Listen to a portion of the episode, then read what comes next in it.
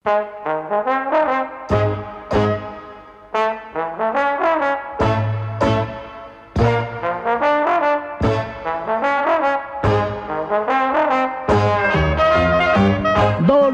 bona tarda, amics i amigues, com esteu, veïns i veïnes de Ripollet, en aquest programa eh, que estem fent des de la plaça Pere Quart. Això és plaça Pere Quart o no?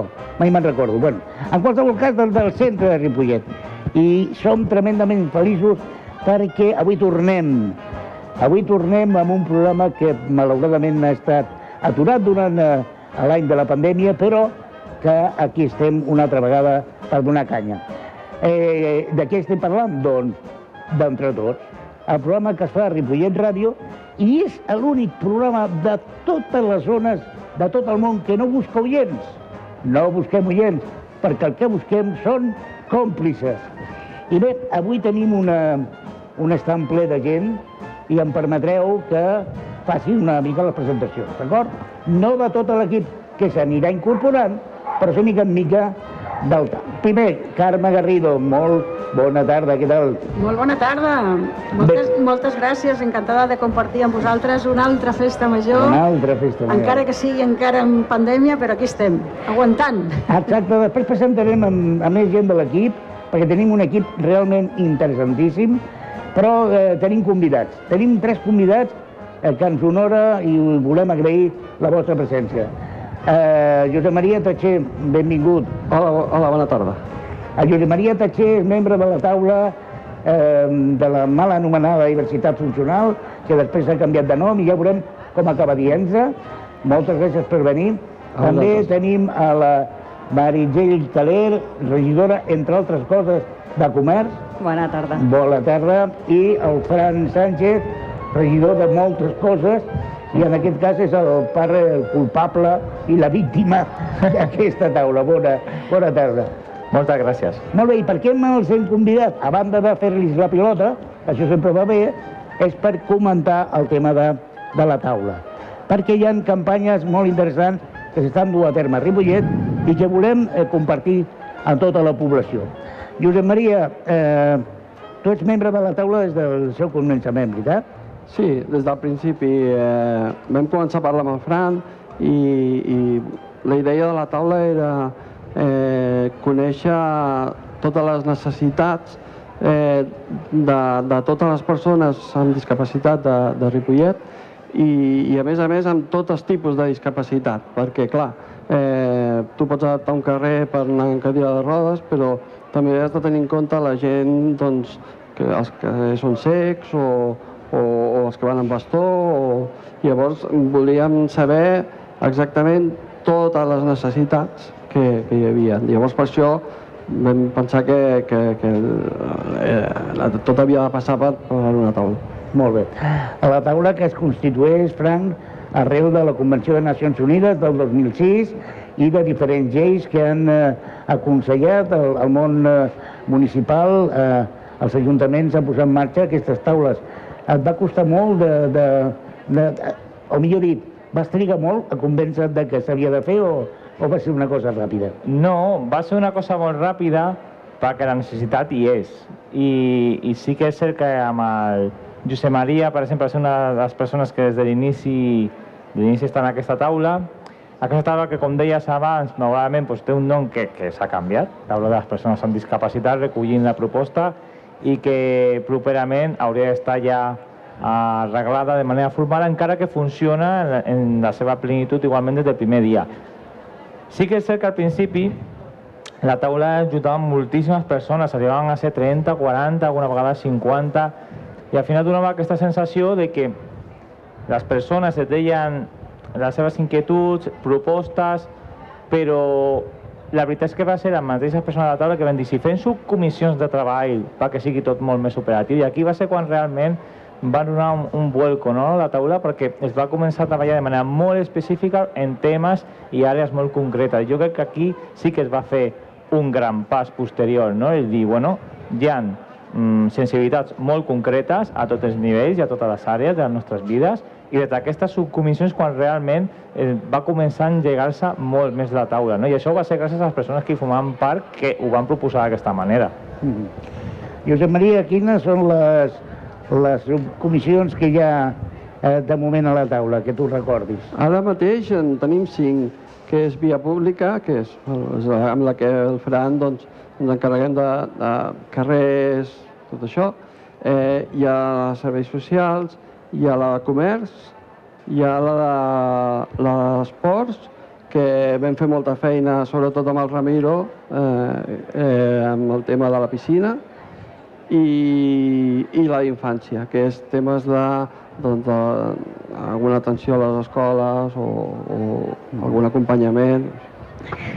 Molt bé, s'ha fet, eh, fet força feina i eh, abans de, de continuar eh, parlant, i per això eh, evidentment pot venir quan vulgui la Txell, perquè està a casa seva, però el motiu de que la tinguem eh, present al programa d'avui com a regidora de comerç és perquè m'ha engegat una, una campanya que penso que ha de ser molt i molt interessant. I abans d'entrar en matèria, voldria disculpar tant al Gremi d'Hostaleria, que estava convidada i que no ha pogut assistir-hi, i a la Unió de Comerciants de Ripollet, que amb, amb mails s'han disculpat per no ser-hi, però han, han reiterat la seva predisposició a col·laboració. Bé, eh, Meritxell, què, què, què, què farem amb els comerços de Ripollet? Do, bueno, mm, està Ara estem en aquest moment d'anàlisi no? i una mica de, de preparació de, mm, conjunta no? de, del que serà la campanya posterior o, les, o la presa de decisions posterior, però recordo la primera vegada que, que ens vam reunir, no? que, que evidentment jo, o sigui, prim, primer de tot vull dir que soc, mm, era molt ignorant amb totes les vostres problemàtiques, no?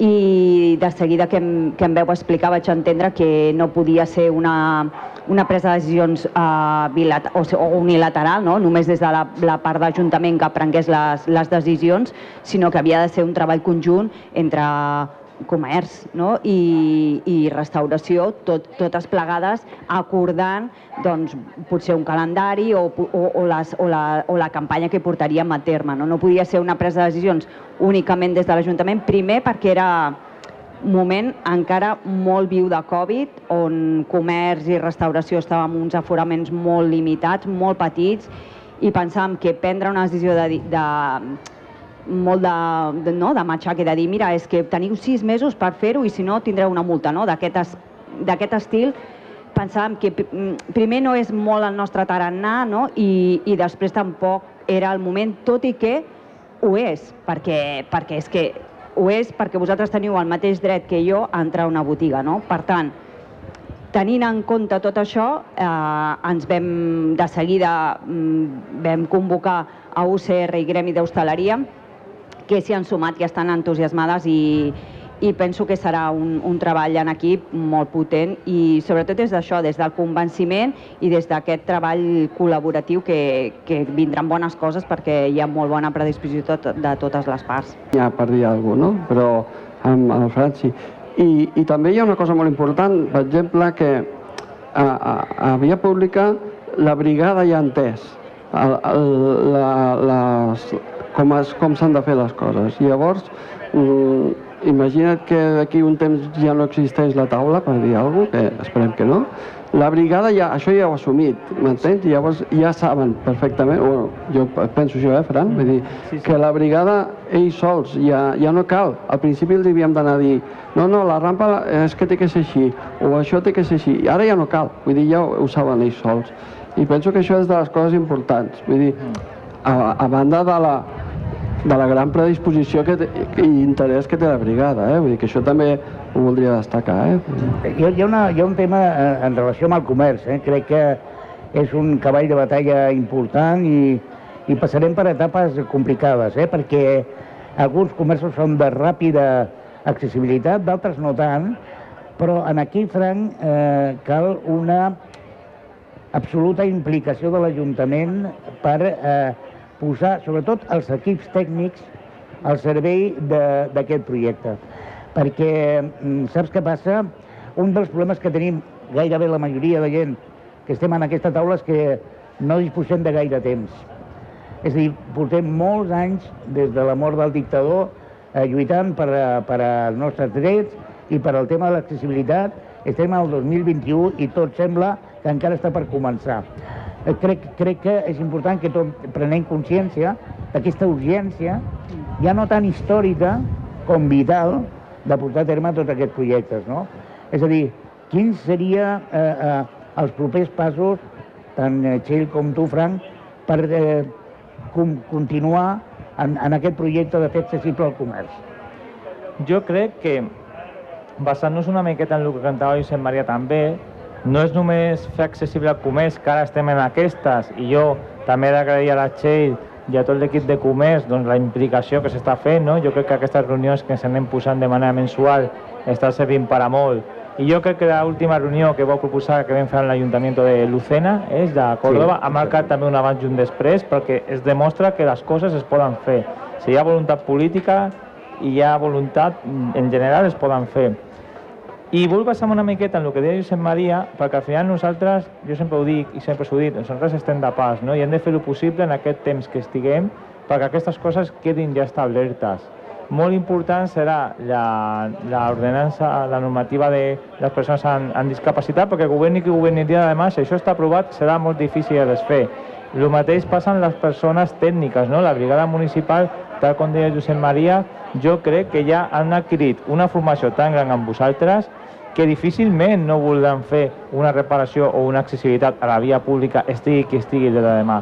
Doncs aquest és el camí que hem de continuar en totes les àrees. Ara, el camí fort que estem fent és en comerç. Jo crec que en comerç, no només a nivell tècnic d'Ajuntament, sinó també a nivell de la UCR, del gremi d'hostaleria, s'està veient que, que és una necessitat, no?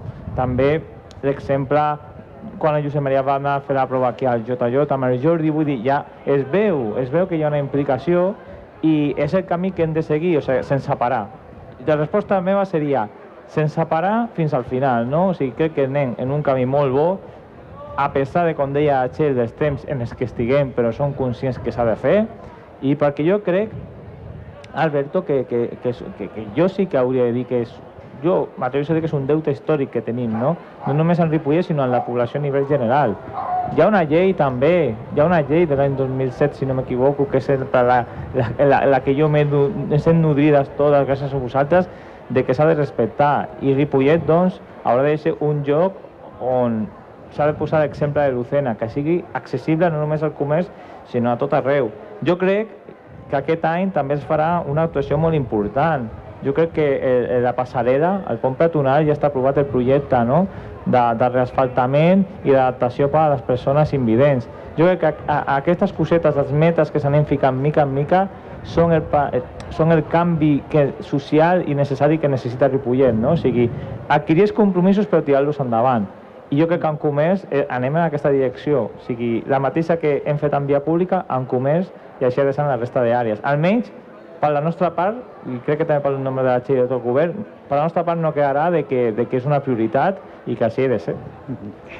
Vols dir alguna cosa, Carme? Sí, jo aprofitant i agraint als, als regidors que, que estiguin presents en el programa, com a presidenta d'una entitat que estem treballant a diferents comarques de Catalunya, eh, la primera de totes és complir la llei en que aquesta taula ha de ser una comissió municipal constituïda on les decisions que es prenguin doncs, es portin a ple i realment hi hagi un compromís municipal, perquè si no ja s'agraeix de veritat, d'acord, tota la bona voluntat i tota la tasca que esteu fent en col·laboració, però el que tu dius, Fran, tant, eh, el dia que no hi sigueu vosaltres i que sigui una altra persona que a lo millor pel que sigui no tingui la mateixa, el mateix compromís, doncs això ho pagarem tots i serà una feina que quedarà.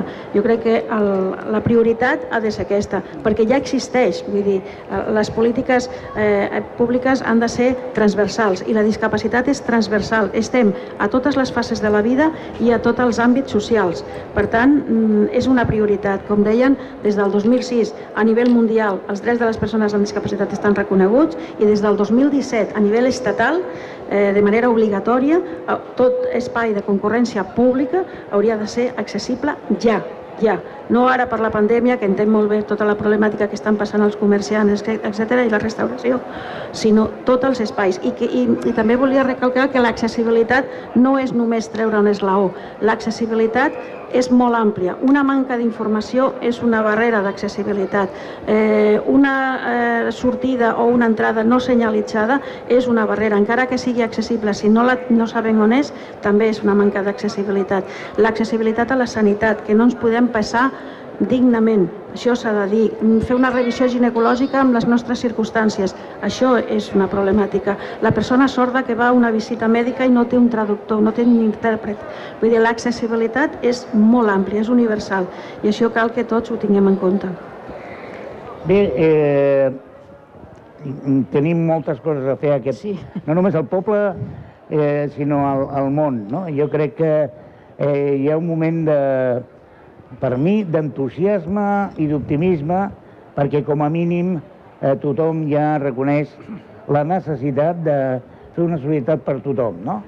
I crec que eh, hi ha un company eh, de Córdoba, de Lucena, que diu que el col·lectiu de les persones amb discapacitat som els més discriminats del món, perquè patim totes les discriminacions, com a dones, com a pertanyents a col·lectius LGTBI, com a maltractament, com a aturats, però a més a més tenim una discapacitat i que moltes vegades fa impossible el lluitar per als nostres drets. Eh, Meritxell, eh, moltes gràcies. Moltes gràcies a vosaltres. I no serà pas l'última vegada que, que comptarem dintre del programa d'Entre Tots, que anticipo per dir que tornem al 91.3 a Ripollet Ràdio, que és un programa que es farà eh, de forma regular a l'emissora. I, i doncs segur, encantada, i tant, com vulgueu. Per poder parlar amb més calma, Frank, Anna, tu, una abraçada Només una coseta per acabar. I són tres dades i jo sé que als polítics ens agraden les, les dades, dic ans perquè també he passat per la vostra situació.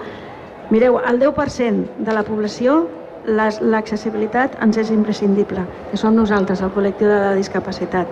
Però pel 40%, que són nosaltres, les nostres famílies, els nostres veïns, els nostres fills i les nostres famílies, és necessària però és que pel 100% de la població és qualitat de vida. Jo crec que tots i per això ens diem entre tots, perquè sou vosaltres, càrrecs públics, i nosaltres, eh, entitats i població en general, entre tots hem de fer aquesta feina. Moltes gràcies. gràcies. Josep Maria, tu també et vull agrair la teva presència. A vosaltres. Però més que la presència et vull agrair el fet de, de que tu i, i uns altres ens hem mullat i ens mullem perquè entenem que hem de treballar per canviar i millorar al nostre poble. Sí. I per acabar aquesta secció, diu una frase que a mi m'agrada molt, i és, si no quitas el escalón, compraré en Amazon. Amazon.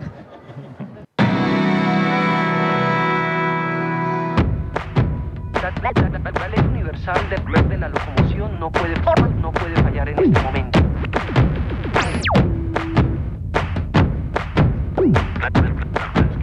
all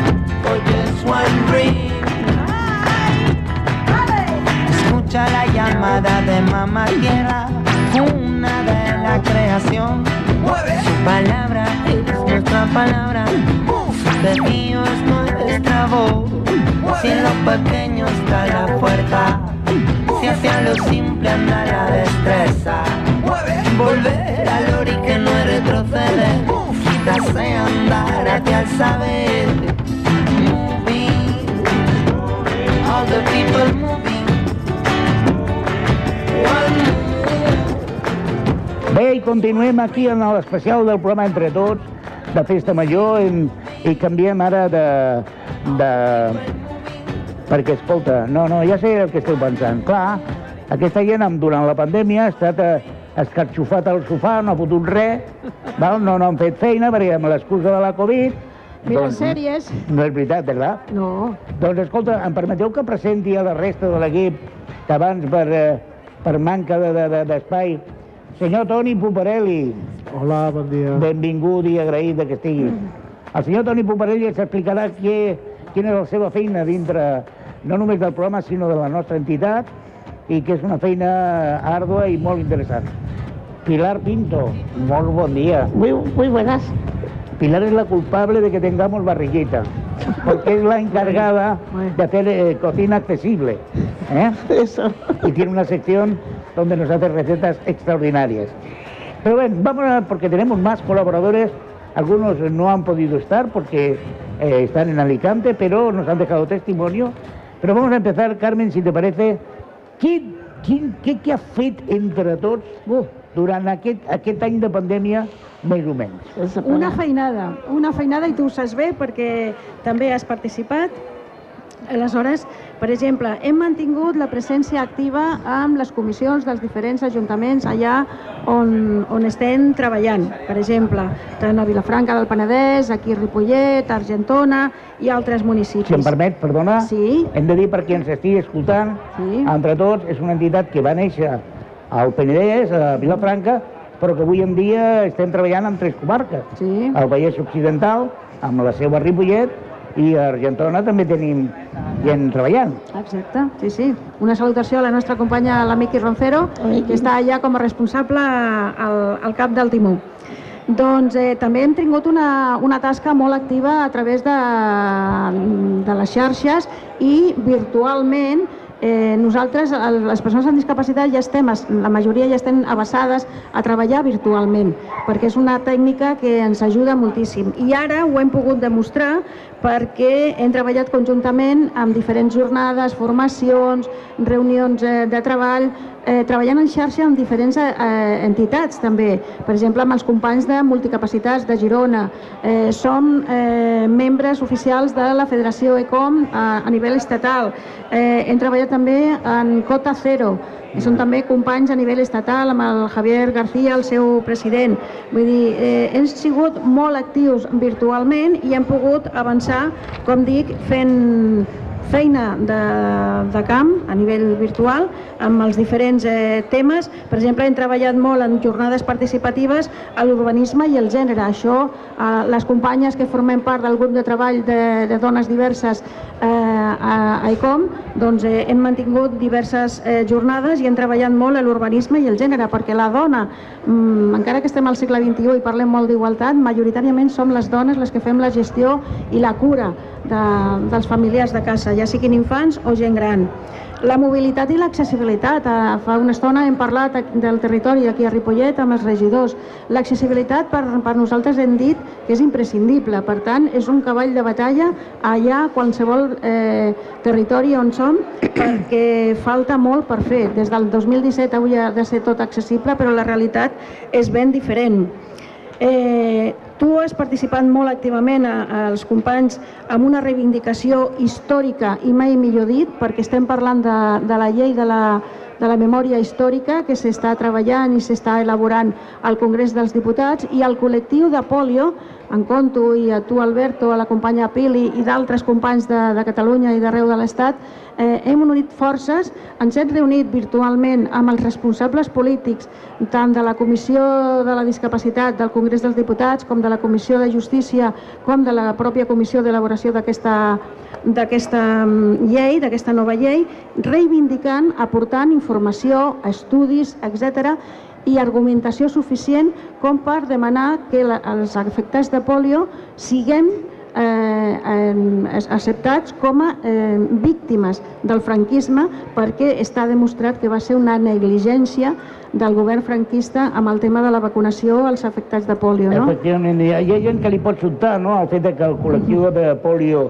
eh, reivindiqui el ser víctima del franquisme, però hem de recordar que mentre a tot el món l'any 1955 es vacunava de polio, Espanya, a banda de negar l'evidència de l'epidèmia, es va començar a vacunar el 1963, és a dir, 8 anys després. Jo crec que és motiu més que suficient per reivindicar aquesta incorporant-se com a víctimes del franquisme, com malauradament altres eh, col·lectius. Exacte, ara que estem passant una, una pandèmia i tothom ho tenim molt, molt a prop i, i ens reconeixem i li donem la importància que té a les vacunes, doncs imagineu-vos que ara tinguéssim un govern que negués aquesta pandèmia, que negués que estan havent morts i que eh, negués les vacunes a, al país. Pues aquesta primera pandèmia, els, els efectes de polio ja la vam viure fa, fa molts anys i nosaltres som els, els, bueno, els, els sobrevivients d'alguna manera que no es van condenar a mort al franquisme, però sí que ens va condenar a, a una condena perpètua perquè les seqüeles de polio en, ens tenen aquí molt, molt malmesos. Hem de dir que està molt avançada i que eh, aquesta llei ens ha reconegut com a víctimes i afectats de polio i que es faran les modificacions i esperem que rebem l'atenció necessària, que és el que nosaltres eh, reivindiquem. Eh, durant aquesta pandèmia, entre tots, sempre hem treballat per la igualtat i tenir en compte la, la discriminació, tu deies abans que les persones amb discapacitat és el, és el col·lectiu més discriminat, doncs ser dona i tenir una discapacitat encara més, no? I quan hi ha una pandèmia i estem confinats, doncs eh, aquesta, aquest risc s'ha incrementat moltíssim, les víctimes eh, també s'han incrementat perquè eh, vivien conjuntament amb els seus agressors, que en un 40% a l'agressor d'una dona amb discapacitat per abús o, o lesions sol estar dintre de l'àmbit familiar o cuidador. Per tant, aquest és un tema que des d'entre tots hem treballat molt junt amb la Federació ECOM i amb altres entitats i hem fet diferents eh, programes, hem treballat molt a nivell de xarxes, hem fet jornades, etc. Sobretot hem desenvolupat molt el, el programa Dona al Salvol, treballant conjuntament amb la Federació ECOM i així eh, ens, hem pogut treballar en diferents entitats empoderant i donant suport a aquestes companyes afectades i tan, tan discriminades. I com dèiem abans amb els regidors, eh, ajudant i posant el nostre gra de, de sorra i la nostra experiència per a que les polítiques d'igualtat realment donin atenció a totes les dones, les que tenim discapacitat també. Durant aquest any també s'ha hagut un aconteixement important. Hem dit que som, nosaltres som eh, membres de la Federació ECOM i ECOM fa 50 anys que està treballant pel col·lectiu de la discapacitat, sobretot a Catalunya, però també a nivell estatal. No? I per nosaltres, eh, com a entitat, que ens reconeguin i ens, ens deixin participar d'aquesta tasca formant part de la, de la Junta Directiva d'ECOM, doncs és una, és una opció i és una possibilitat que, que agraïm, perquè nosaltres som una entitat que treballem, doncs això, com hem vist a, aquí al, a, Ripollet a peu de territori i treballant directament amb els, amb els ajuntaments per avançar en aquestes polítiques d'igualtat. Per tant, ha estat molt, molt divers, perquè anaven enllaçant, jo crec que hem treballat ara més en pandèmia que abans, no, Alberto? Perquè anaven enllaçant sí. unes reunions, unes... ara tinc una reunió, ara tinc un webinar, ara tinc una jornada, ara tinc... O sigui que, déu nhi ens, ha, ens ha condut, mm, hem fet molta feina. A més a més, ens ha permès conèixer eh, i aportar a la nostra entitat col·laboradors i seccions noves, com és el cas de la Soledad Martínez, que ens ha enviat un àudio per explicar què és el que farà i quina serà la seva al programa Entre Tots. Escoltem a la Sole. Buenas tardes a todos y todas. Soy Soledad Martínez, miembro de Entre Tots. Eh, os hablo muy a mi pesar desde Alicante. Me encantaría estar ahí con vosotros en este día grande para Ripollet. Espero que estéis disfrutando de, de estar juntos y de estar de fiesta. Permitidme un abrazo muy especial a la Karma Garrido, al Alberto Castro, a la Eugeni Sánchez, a Antonio Puperelli, a la Pili Sus Fogones, a Xavi Casas y bueno, a todo el equipo de realización que hace posible el programa. También, sobre todo, a los oyentes, porque vamos, no tendría sentido si no hubieran oyentes. Así que un saludo a todos. Vengo a presentaros una nueva sección eh, que va a tratar sobre legislación y discapacidad. Y su- supongo que la mayoría de vosotros ahora mismo estáis pensando, madre mía, qué rollo. Pero bueno, eh, deciros que la legislación tiene que mucho, mucho que ver con la calidad de vida, así que nos interesa saber qué es lo que está pasando. Por mi parte, solo puedo deciros que, o prometeros que, que voy a dejar de lado en todo lo posible el lenguaje técnico jurídico, que vamos a desgranar de la forma más amena posible todos los cambios legislativos que se han producido, los que se están produciendo y los que se van a producir dentro de poco. Y lo que es más importante, cómo afecta al día a día de las personas con discapacidad. Y lo vamos a hacer siempre, además, bajo el concepto jurídico persona con discapacidad. Término que así a simple vista puede parecer pu- pues, un término más. Eh, conceptualmente hablando, es un, para desarrollar el término jurídico, la concepción jurídica persona con discapacidad, os voy a emplazar al próximo programa en el que para mí es algo apasionante el desgranar esta concepción jurídica, que lo vamos a hacer de una forma muy sencilla, que lo vamos a entender todos y que espero que cuando lo oigan las personas con discapacidad se sientan reconfortadas, las personas sin discapacidad digan, no me esperaba que esto viniera por esto y sobre todo las personas que tengan una responsabilidad en la administración cambien un poquito el chip y sepan cuál es el camino que ha llevado a este concepto jurídico persona con discapacidad. Y ya no me voy a extender más porque ya os he hecho bastante spoiler para el próximo programa. Sí que quiero pasar así de forma muy rapidita sobre, sobre todo sobre la creación de la figura de la fiscal de sala estatal para las personas con discapacidad y personas mayores. También explicaremos en otro programa cómo funciona, su funcionamiento es de vital importancia. Y luego también hablar de la ley 8-2021 de 2 de julio, eh, que habla de la reforma civil y procesal para el apoyo a las personas con discapacidad. Y vamos a dar unas cuantas claves sobre la misma. Entra en vigor, eso sí que lo voy a decir hoy, entra en vigor el próximo 3 de septiembre de este año, o sea, entra en vigor ya mismo, el día 3, y propicia un sistema basado en el respeto a la voluntad y preferencia de las personas con discapacidad y en la promoción de su autonomía. Esta ley por fin adecua nuestro ordenamiento jurídico desde 2006 ¿eh?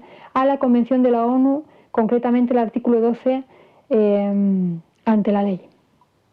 Las personas con discapacidad tienen capacidad jurídica en igualdad de condiciones con los demás en todos los aspectos de la vida. Esta ley impone, sí, repito, dice la palabra, impone el cambio de un sistema en el que predominaba la sustitución en la toma de decisiones de la persona con discapacidad y lo cambia por otra donde la persona con discapacidad, como regla general, será la encargada de tomar sus propias decisiones. La ley modifica, ahí es nada, la ley de notarios, el Código Civil, la ley hipotecaria, la ley de enjuiciamiento civil, la ley de protección patrimonial de las personas con discapacidad, la ley de registro civil, la ley de la jurisdicción voluntaria, el Código de Comercio y el Código Penal. Y elimina también, por fin, en el ámbito de la discapacidad, la tutela, la patria potestad prorrogada y la patria potestad rehabilitada. Eh, son, quedan figuras demasiado rígidas para la promoción de la autonomía de las personas adultas con discapacidad y reconoce la figura del defensor judicial. Es una ley apasionante también, ya sé que he dicho apasionante la- el concepto jurídico persona con discapacidad, pero esta ley es emocionante y apasionante. La vamos a desgranar y vais a ver todos los cambios que, que trae consigo. Nada más, Mm, os emplazo al próximo programa. Espero que sigáis disfrutando de la fiesta, que lo estéis pasando genial. Que voy a emular un poquito al compañero Alberto, aunque eso es casi imposible. Y voy a pediros que seáis no solo cómplices, sino que además me atrevería a ir un poquito más allá, que seamos todos personas, sin ninguna connotación más, personas en mayúsculas. Imaginaros la persona, la palabra personas dentro de un círculo y que todos, todos con o sin discapacidad consigamos eh, una sociedad con accesibilidad universal y rompamos de una vez ese- esa falacia conceptual de que mm, el- la accesibilidad universal es únicamente para las personas con discapacidad. Mm, Es algo falso. Una sociedad inclusiva, una sociedad justa y una sociedad eh, accesible nos, conven- nos conviene y nos compensa a todos. Seguir disfrutando, seguir cuidándoos. Un saludo. Nos oímos. Gràcies, Sole, ens parlava des d'Alacant. Bueno, jo crec que és superimportant el que ella portarà, valga la redundància, en el programa, perquè és tot el marc legal. Eh, de lleis en tenim moltes i molt variades. Ara és qüestió de fer-les complir. La Sole ens explicarà, mica en mica, quin és el, el panorama, l'escenari legal per poder reivindicar els nostres drets. Bé, eh, ara passem a un altre col·laborador que té una secció d'aquelles que d'entrada pot semblar doncs, eh, una, mica, una mica estranya. Eh, parlarem amb el Toni Poparelli. Què tal, Toni? Hola, bon dia. Bon De dia. què va el teu, el teu, la teva secció? La meva secció es diu l'altra economia i com que estem amb el tema del món de la discapacitat, el que es tracta és d'enfocar l'economia i tot allò que tingui a veure, fiscalitat i demés, però des d'una vessant econòmica i l'impacte que té. Avui porto un tema que és, que és novetat ara i que és, està, aquests últims mesos ha estat debatut i estem lluitant sobre, sobre aquest tema, que és el de, la, de les ajudes que hi han dels fons europeus Next Generation per, per ajudar. El primer lot d'aquests, podríem dir lot, o paquet de mesures, va dedicat mil i pico milions d'euros a nivell espanyol, eh, va dedicat a la millora de, dels habitatges en termes d'eficiència d'eficiència energètica. Què vol dir això? Vol dir que diners que es destinaran per millorar l'eficiència energètica, estalvi energia, eh, eh, o implantació de panells solars, o adaptar tecnologies a la, a la, a la llar que representin un estalvi d'energia a nivell global, però dins d'aquests fons van destinats molt lligats, un diu, coi, si, si és per destinar per arreglar els habitatges, diu, i per què no accessibilitat? Donat que nosaltres mirem des de la vessant, des de la vessant de la discapacitat i per què no accessibilitat? Doncs no. Resulta que és molt difícil perquè els nivells d'eficiència energètica que demanen per, per requeriment no deixa gaire espai ajuda d'això. Jo volia fer una mica de reflexió de la situació que tenim del món de la discapacitat, sobretot en el tema d'accessibilitat a vivendes. Només a Espanya el 0,6% de les vivendes són, es poden considerar accessibles. Un Perdona, perdona, 0,6. perdona, perdona. El Un 0,6%. 0,6%. Sí, sí, sí, sí, Molt... Quan, per exemple, aquí a Ripollet tenim, llegida ahir l'estadística, un 7% de persones amb limitacions d'accessibilitat física, o sigui, amb problemes de física. Sí, reconeguda, perquè això afegim tota la gent gran, tota la gent que té limitacions. En aquests moments a Espanya tenim 100.000 persones, 100.000 persones, 100.000 persones que no poden sortir de casa seva de manera autònoma o amb mínimes necessiten ajuda, necessiten una ambulància, necessiten una Però cadira. ara tindran plaques solars, Sí, parlem de plaques solars i no d'aquestes però no podran ajudes. sortir de casa. Això, aquesta és una de les coses que tenim, no? Un 15% de la població té algun tipus de discapacitat i encara que no sigui de mobilitat, que dius una cadira de rodes, no sé què, hi ha persones amb problemes intel·lectuals que molt o poc també s'hauran de fer adaptacions, s'haurien de fer adaptacions d'accessibilitat en general, l'accessibilitat a, una, a un botó per poder demanar ajuda. Coses d'aquestes, que estem parlant de requeriments de les persones amb accessibilitat per ser com una persona normal, sentir-se, això com deia la Sole, considerar-se persones. No? Aquests fons, eh, com deien, estan lligats a l'eficiència energètica, deixant pràcticament sense poder fer actuacions d'accessibilitat. Eh, es perd una ocasió única per portar nivells adequats a, a les necessitats que hi ha. De fet, ahir vaig estar buscant a internet a veure si en aquí, en el Vallès, en la zona d'aquí, Ripollet i tota la seva zona, hi havia alguna vivenda adaptada que jo pogués comprar o pogués venir a veure, de lloguer, el que sigui. Imagineu que jo, per necessitats familiars, de treball, el que sigui, necessito, per la discapacitat, necessita venir a viure a Ripollet o a la zona. No n'hi ha ni una, ni una vivenda disponible, amb la qual estan coartant els meus drets de no poder tenir accés, com a mínim en la mateixa proporció que hi ha de persones amb discapacitat. No podem tenir accés. Per tant, això és una, no, no una reivindicació, una necessitat. O sigui, una, per llei haurien d'estar i de tenir accessibles.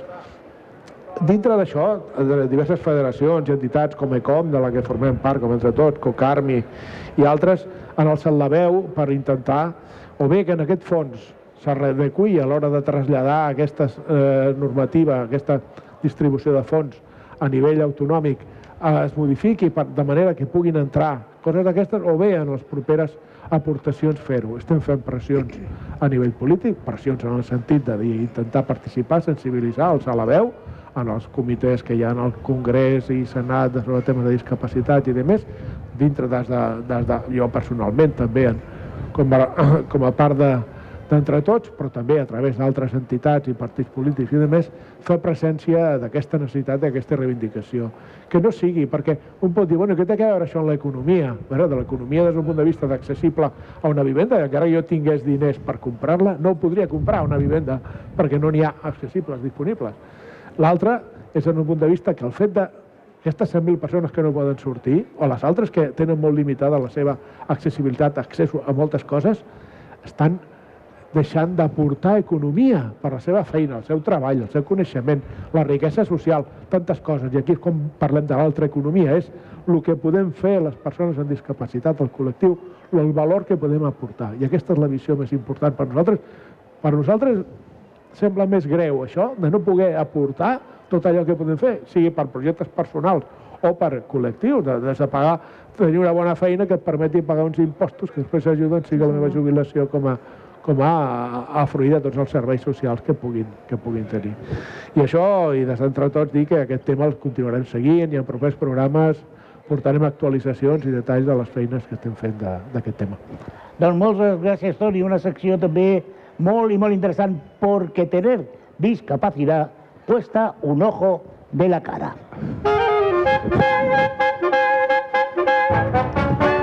Però no tots són diners i problemes. Per això tenim a la Pilar Pinto, que enriqueix les nostres vides amb unes receptes extraordinàries, Pilar Pili?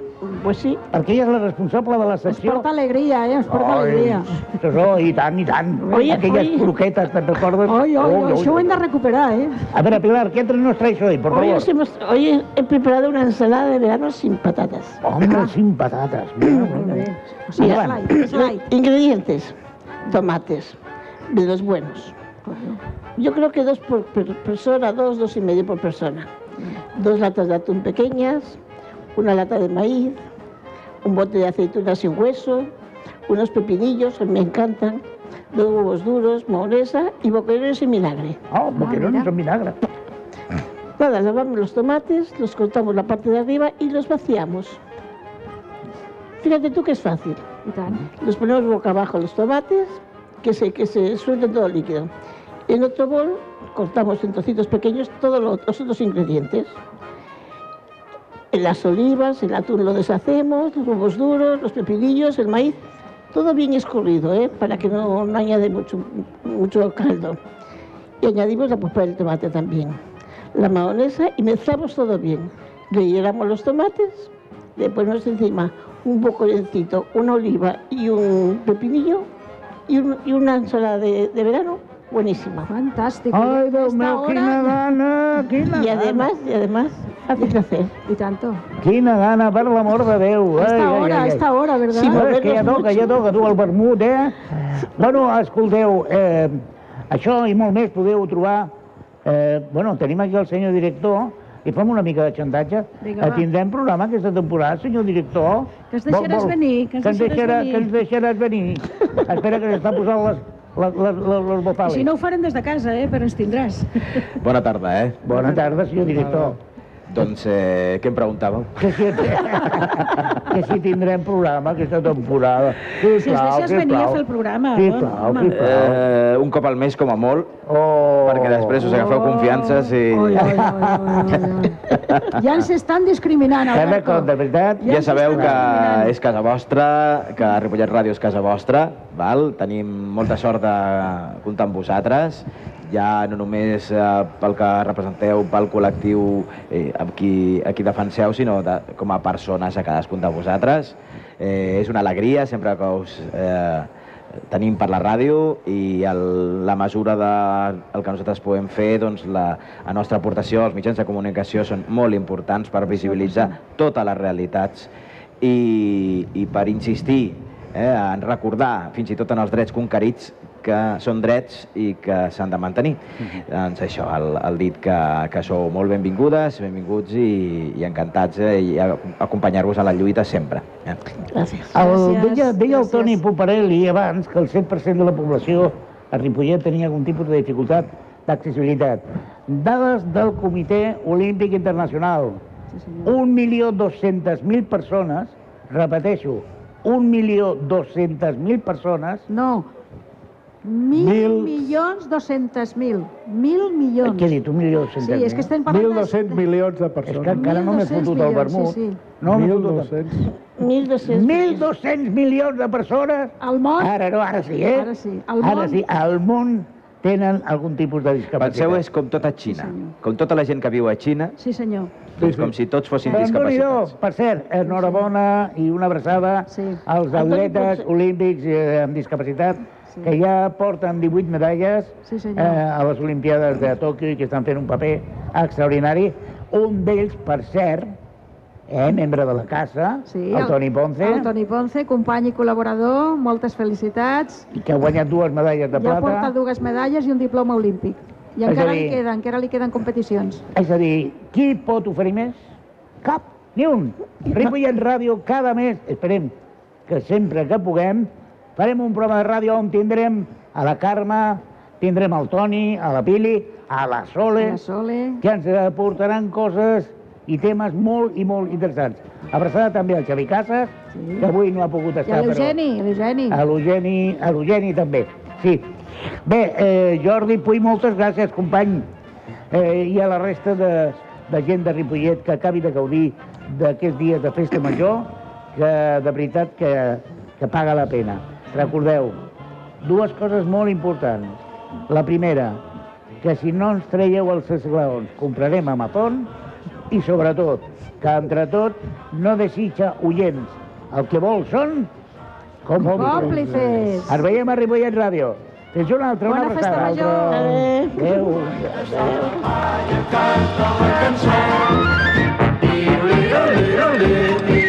Avui matem